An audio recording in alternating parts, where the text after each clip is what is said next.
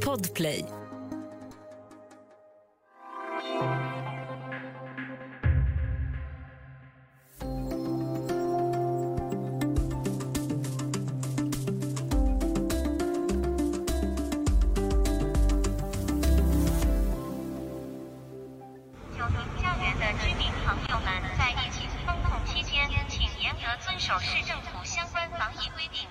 Drönare svävar genom ett bostadsområde i Shanghai och ett meddelande spelas upp. Vänligen följ covid-restriktionerna. Kontrollera din själs längtan efter frihet. Öppna inte fönstren och sjung inte. I dagens Studio DN om allvarliga baksidor av Shanghais coronarestriktioner där barn separeras från sina föräldrar och allvarligt sjuka nekas vård. Jag heter Ylke Holago. Och jag säger välkommen till Marianne Björklund, Dagens Nyheters korrespondent med oss direkt från Peking. Hej! Hej!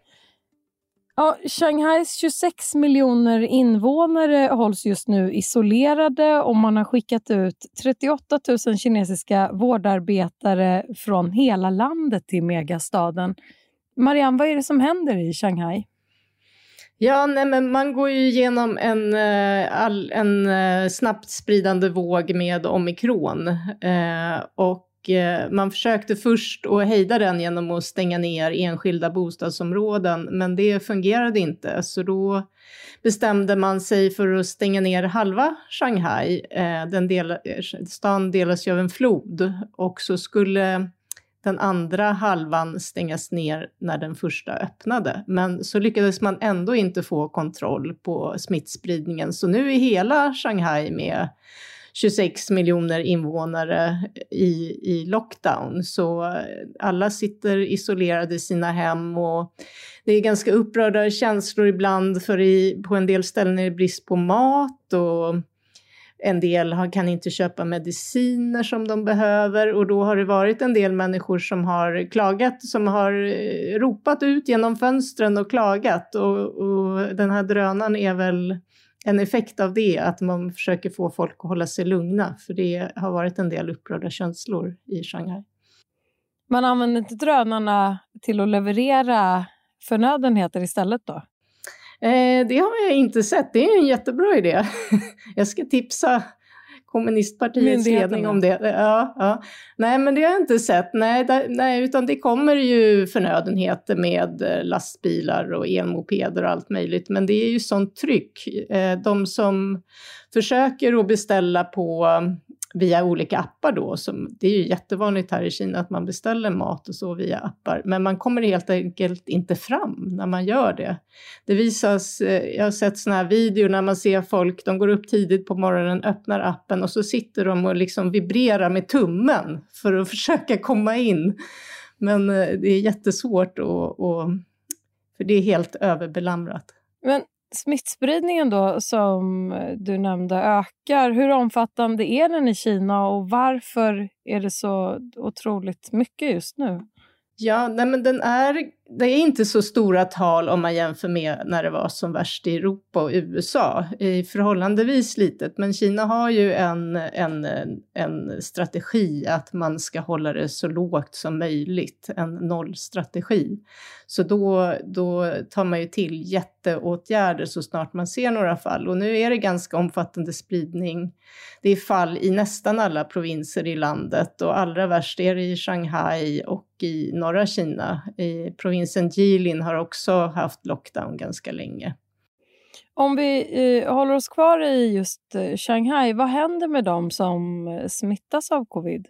Ja, de allra, allra flesta fall är väldigt milda eller har inga symptom alls. Men de får ändå inte stanna hemma utan de blir hämtade och tas till eh, olika karantäncenter och snabbuppbyggda sjukhus. Och där ligger de i stora salar, i sängar som är rad på rad. Och det har varit en del klagomål också där, att det är bristande hygien, att de inte får tillräckligt med mat. Och ja, många vill ju hellre vara hemma. De känner sig inte ens sjuka och tycker kanske att det är större risk att de blir sjuka där än om de hade varit hemma. Och sen har vi det här med barnen då som separeras från föräldrar. Hur, hur ser den situationen ut? Ja, det har ju varit jättestor upprördhet sen, det visades eh, en video med små, små barn som ligger och gråter och nästan inga vuxna där. Och, eh, är det också i sådana sjuksalar? Mm. Och många blir väldigt upprörda, ja, särskilt föräldrar såklart, som inte får träffa sina barn. Eh, som kanske är två år eller ett år, eller det är ju väldigt traumat traumatiskt för både barnet och föräldern. Så nu har de ändå ändrat den policyn lite vad jag förstår och har sagt att, att föräldrar ska få vara med sina barn om barnen har speciella behov. Nu vet, jag vet inte vad de menar med speciella behov. Man kan ju tycka att en, en tvååring har speciella behov jämt. Ett speciellt behov av sin föräldrar. Eh, och sen är det också den omdiskuterade frågan om sjuka som inte får vård heller, inte släpps in på sjukhus. Hur, hur har det där sett ut? Ja, nej, men i och med att man är så inriktad nu på covidbekämpning så är flera sjukhus helt... Eh, de håller bara på med det och då är det svårt att få vård för andra saker. Det var bland annat en, en kvinna som faktiskt jobbar som sjuksköterska men fick ett astmaanfall i sitt hem och då och åkte till det sjukhus där hon jobbar och, och ville få hjälp. Men hon blev inte accepterad. Hon fick inte komma in där. Så hon fick åka till ett annat sjukhus, men då, det, det, var för sent, så hon dog. Och det där har ju också väckt otroligt upprörda känslor. Det finns flera fall med människor med allvarliga sjukdomar som inte fått den vård som de behöver. Men hur sprids den här informationen? Jag tänker på att det är ganska hårt, eh, alltså pressfriheten fungerar ju inte ja. som den borde och eh, repressionen är hård. Hur, hur kommer den här typen av information ut? Ofta kommer den ju ut på sociala medier, Weibo som är det stora sociala mediet här, eller WeChat. Eh, och så ligger det där ett tag och får massa upprörda kommentarer och eh, så plockas det för det mesta ner efter ett tag. Men det är ju ändå ganska många som hinner se de här uh, inläggen. Och det kan ju ändå faktiskt ha effekt. Det kan ju få myndigheterna att agera, som till exempel i fallet med barn och föräldrar, där det nu ändå verkar som om de ska kunna vara tillsammans. Men eh, de, de, de vill ju inte ha för mycket kritik, så det plockas ju ofta ner väldigt snabbt. Du bor ju själv i Peking. Hur påverkas ni av nolltoleransen där? Ja, i Peking, här är det inte så stor smittspridning just nu. Det är några fall och jag var faktiskt i veckan till ett område där det bröt ut eh, några, ja det var några som smittades på en sydkoreansk klädesbutik tror jag det var. Och, där, och då har de stängt ner butiken, jag tror hela det köpgalleriet, och så har de stängt ner ett hus som jag var till. Um, så det, det är ju såna här lokala lockdowns lite här och där. Jag skulle, för några veckor sedan skulle jag klippa mig, då ringde frisören och sa nej tyvärr, det går inte, jag är själv i lockdown. och han visste knappt själv varför, men han fick inte gå ut. Så det kan ju hända när som helst. Och sen påverkas man ju på det sätt att det är svårt att resa i Kina i och med det här. Eh, så fort man hamnar någonstans med något fall, då får man sitta i karantän när man kommer tillbaka till Peking. Och det kan även vara så att du måste sitta i karantän på de ställen du reser till, så det gör det svårt att ta sig runt i landet.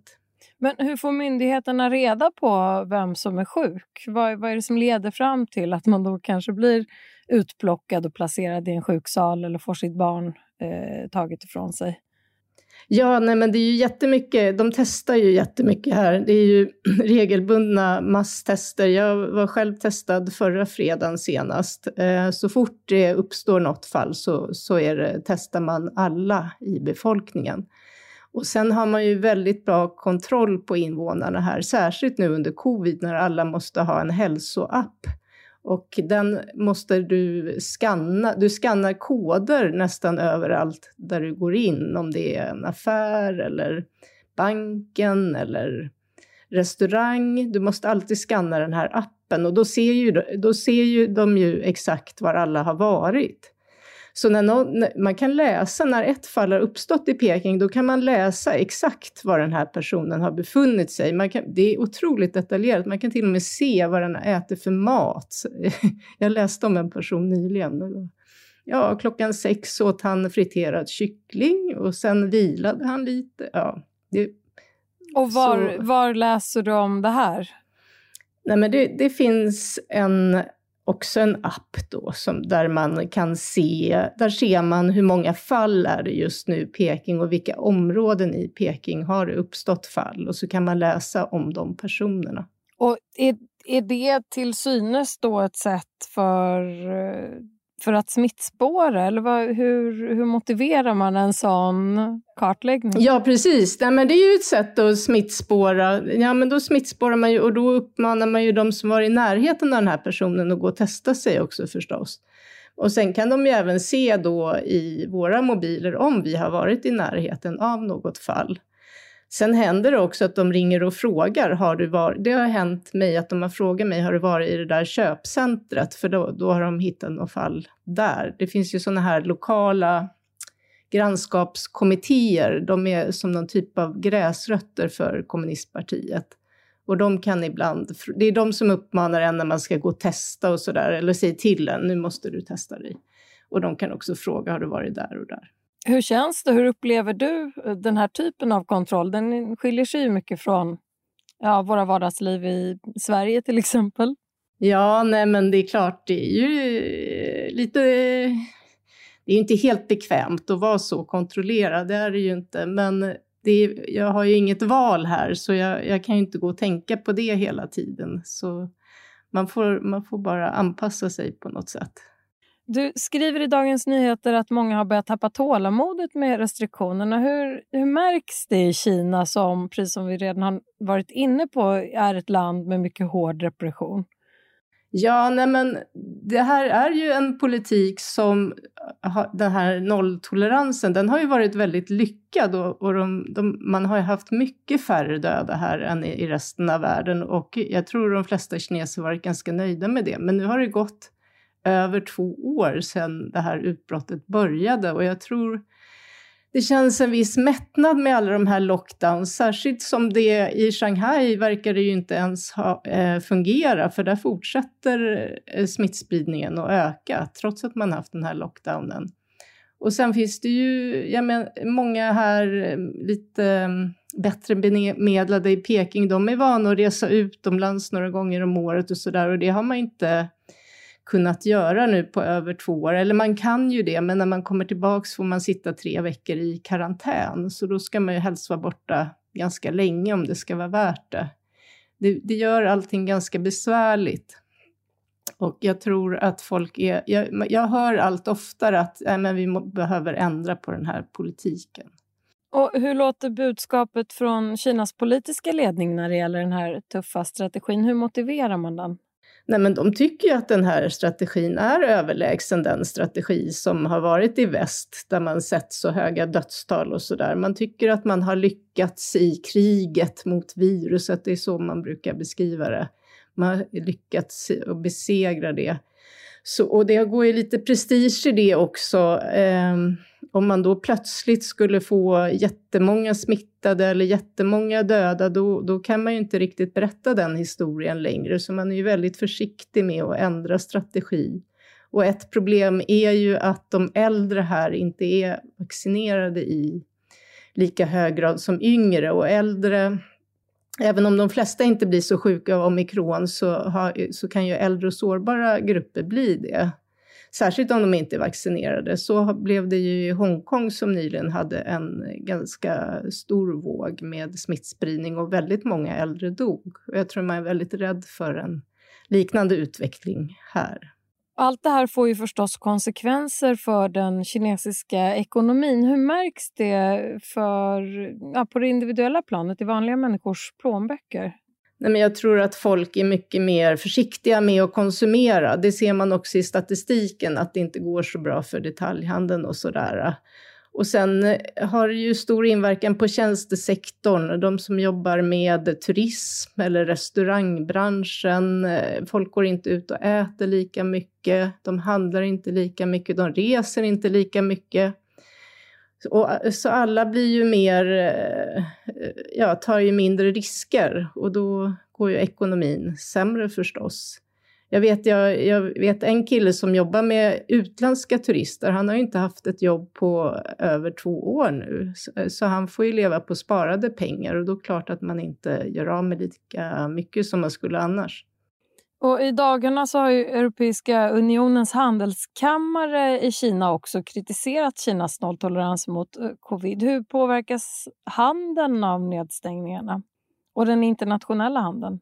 Ja, eh, nej men det kan ju bli ett problem i leveranskedjorna när eh, företag plötsligt drabbas av lockdown så kanske inte kan, dels kanske inte kan producera, men även om de kan producera, en del har ju löst det genom att ha, ha de anställda boende på jobbet. Så då kan man producera, men man kanske inte kan leverera för att eh, det finns inte lastbilschaufförer, för lastbilschaufförerna kanske sitter i lockdown eller så har de problem att resa emellan provinserna för att om de korsar provinsgränserna så kanske de hamnar i karantän när de kommer till nästa provins eller hamnar de i karantän när de kommer tillbaka. Så allting blir lite mer trögflytande och det blir väldigt osäkert allting på något sätt. Det går inte att planera så bra. Man kan inte planera från en dag till en annan hörde jag någon sa. Och det, sånt där hatar ju företag. Det gör ju också att de tar mindre risker. Och det kan ju också påverka handeln med utlandet förstås. Så för att avrunda här bara. Eh, vi ser ett eh, folkligt missnöje, eh, ekonomin sviktar. Hur ser situationen ut när det gäller smittspridningen och restriktionerna här den närmsta tiden? Hur tror du att det kommer utvecklas? Kan det bli några förändringar i restriktionerna till exempel? Ja, nej, men det är svårt att säga. Som sagt, jag tror att de måste få fler äldre vaccinerade innan de kan ändra på restriktionerna. Sen tror jag att de kommer vara jätteförsiktiga fram tills i höst, för då, kommer de, då har kommunistpartiet partikongress och då förväntas Xi Jinping som är ledare här väljas om till en tredje period som ledare. Och innan dess så vill han nog inte ta några stora risker. Så, men det är klart, om det blir för stort missnöje, ett missnöje som de inte kan liksom kontrollera, då, då kan det ju kanske hända att de känner att de måste göra någonting. Och vad skulle det kunna vara? Om du vågar dig på en gissning? Ja, Ja, men till exempel kanske de, om det nu är mest milda fall, så kanske de skulle kunna tillåta att folk i alla fall isolerar sig hemma istället för i sådana här karantäncenter. Eh, som, det har ju inte riktigt fungerat i Shanghai. Folk får ju inte plats. Nu har de skickat folk även till andra provinser. Det kan ju hända att man ja, någon sån liten ändring, en liten skruvning i politiken. Man har ju redan börjat tillåta att man testar sig hemma, det är nytt. Det, det fick man inte göra förut. Så det är en liten förändring i politiken. Tack så mycket för att du var med oss i Studio DN idag. Marianne Björklund, Dagens Nyheters Asienkorrespondent och du var med oss från Peking. Tack. Om du vill kontakta oss så går det bra att mejla till studiodn Och kom ihåg att prenumerera på Studio DN där du lyssnar på poddar så missar du inga avsnitt. Studio DN görs för Podplay av producent Palmira Kokare-Menga. Ljudtekniker Patrik Miesenberger, teknik Jonas Lindskov på Bauer Media och jag heter Ylke Holago.